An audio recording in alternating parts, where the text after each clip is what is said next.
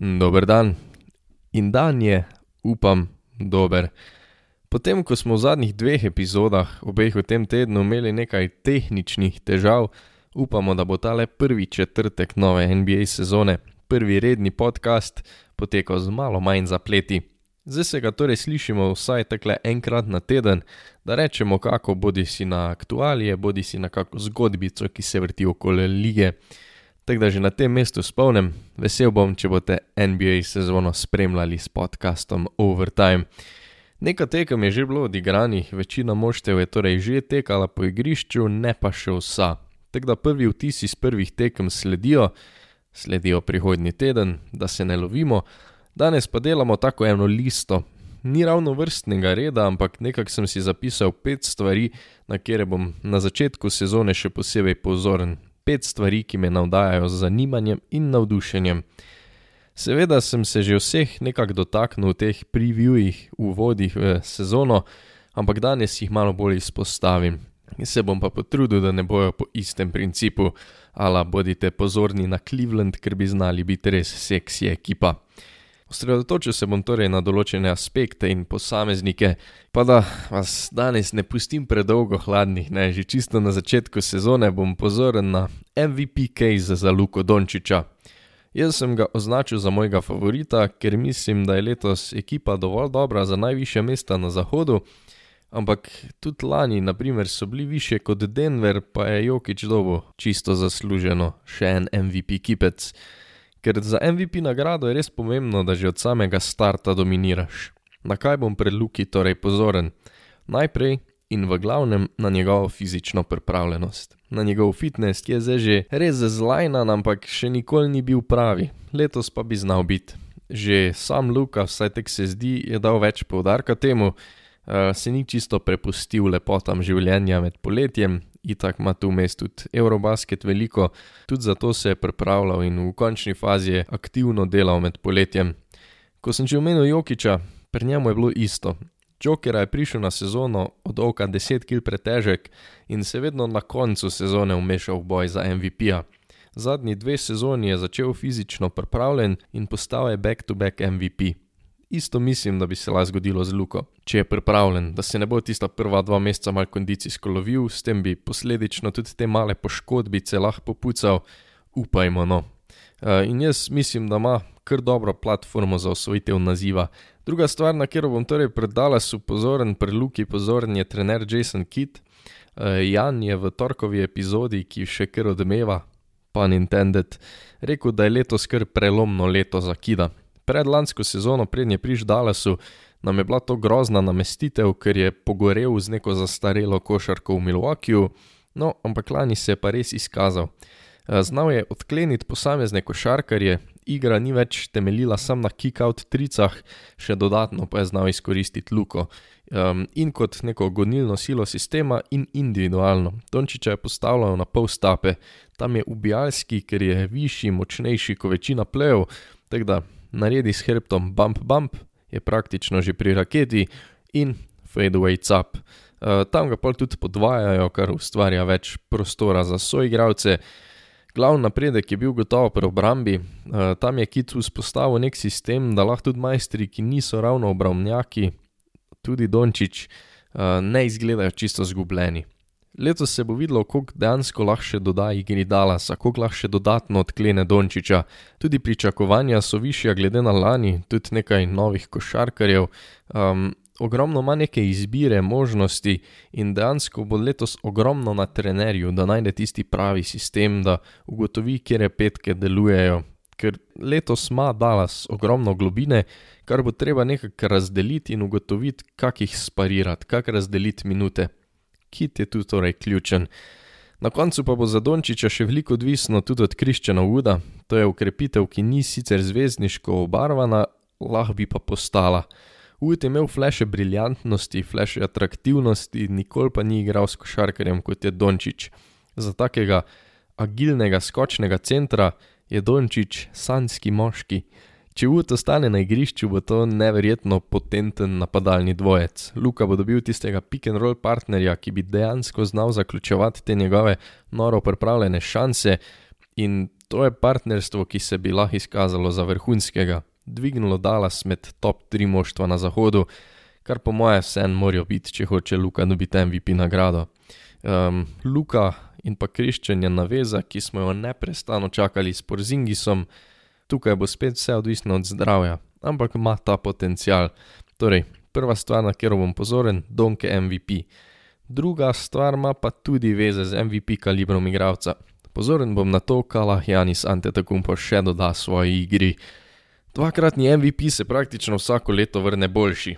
To zdaj bom mal ponovil iz previewja centralne divizije, ampak 2017 je bil Most Improved Player, 2018 se je o njem že govorilo kot o nekem MVP kandidatu, kar basically pomeni, da je vstopil med najboljše na svetu. 2019 MVP, 2020 obrambni igralec lige, obrano je pa tudi MVP naziv, leto 2021 so bili prvaki, bil je MVP finala 50 pik, na zadnji tekmi trofu prostih metov več kot prej v celi sezoni. Janis je skozi boljši. Lani je začel metati mid-rangerje in se v njih izboljšal. Dvignil je procent prostih metov. Na nič vrhunskega, nič, kar še pred njemu sicer nismo videli, ampak spet je nekaj malenkost dodal, dodal svoji igri, ki je že takrat ali pa v vsakem primeru top 3 na svetu, MVP level.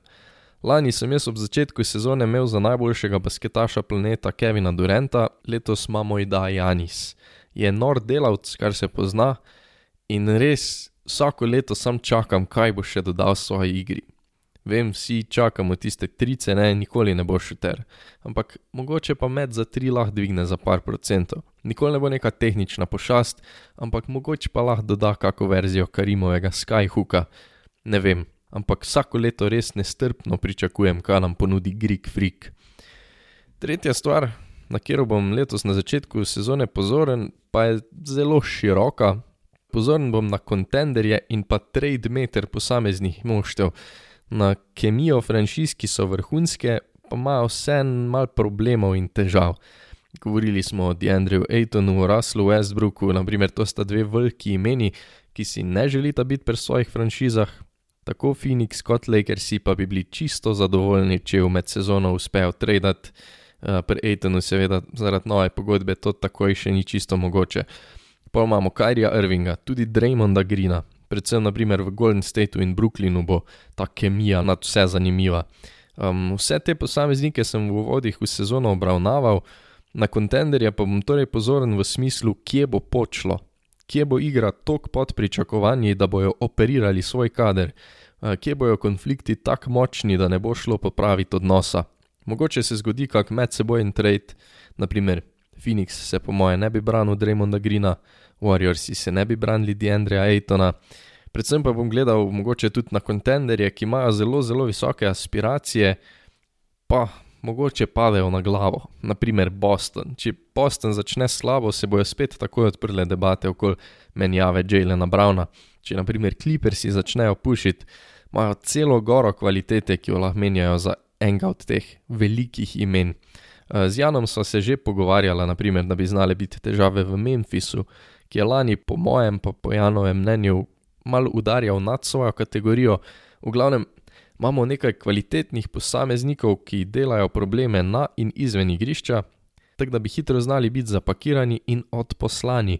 Posledično pa bi se, kjer od glavnih favoritov znal odpovedati kar krepkemu paketku, da jih dobi. Tako da bom zelo pozoren na ekipe, težko kategornike, ki bojo udarjale pod svojimi standardi. No, pred zadnja stvar, na katero bom na začetku sezone fejst pozoren, pa je naveza Joela Embida in Jamesa Hardna. Lani se je zgodil ta ogromen trade, ki je Embidu kot MVP kandidatu končno ponudil košarkarja, ki se upada z njegovo igro. Harden je sicer mimo svojih najboljših let, uh, Face ga je zmatrala tudi poškodba stegenske mišice, ampak že lani je na nekaj tekmah pokazal, kako ubijalski duo bi lahko z Joelom. Uh, Jojo je legit MVP kandidat, uh, zdaj bo imel vso svobodo rakete, Harden bo organiziral napade, snajpal z razdalje. Letos pa so ju obdali še z goro košarkarjev, ki imajo končno smisel, streljci, obrambnjaki.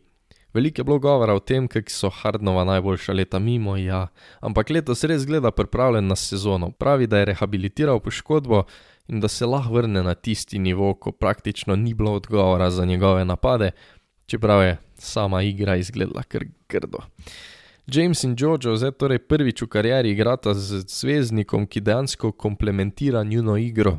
Na igrišču je fit torej vrhunski, je pa res, da sta izven igrišča oba dokaj naporna. Eh, že lani je zgledalo, da ko jim ni šlo, da je bil ta odnos že mal načet, ampak kako se bo ta torej povezala, kako se bo ta dvignila, drug drugega na mogoče še en dodaten nivo. Ker če drug drugemu še nekaj dodata, lahko naenkrat govorimo o najboljšem duhu v ligi NBA. No, če so pa prve štiri stvari o moštvih pri vrhu lestvice, pa se zdaj selimo na čisti podn.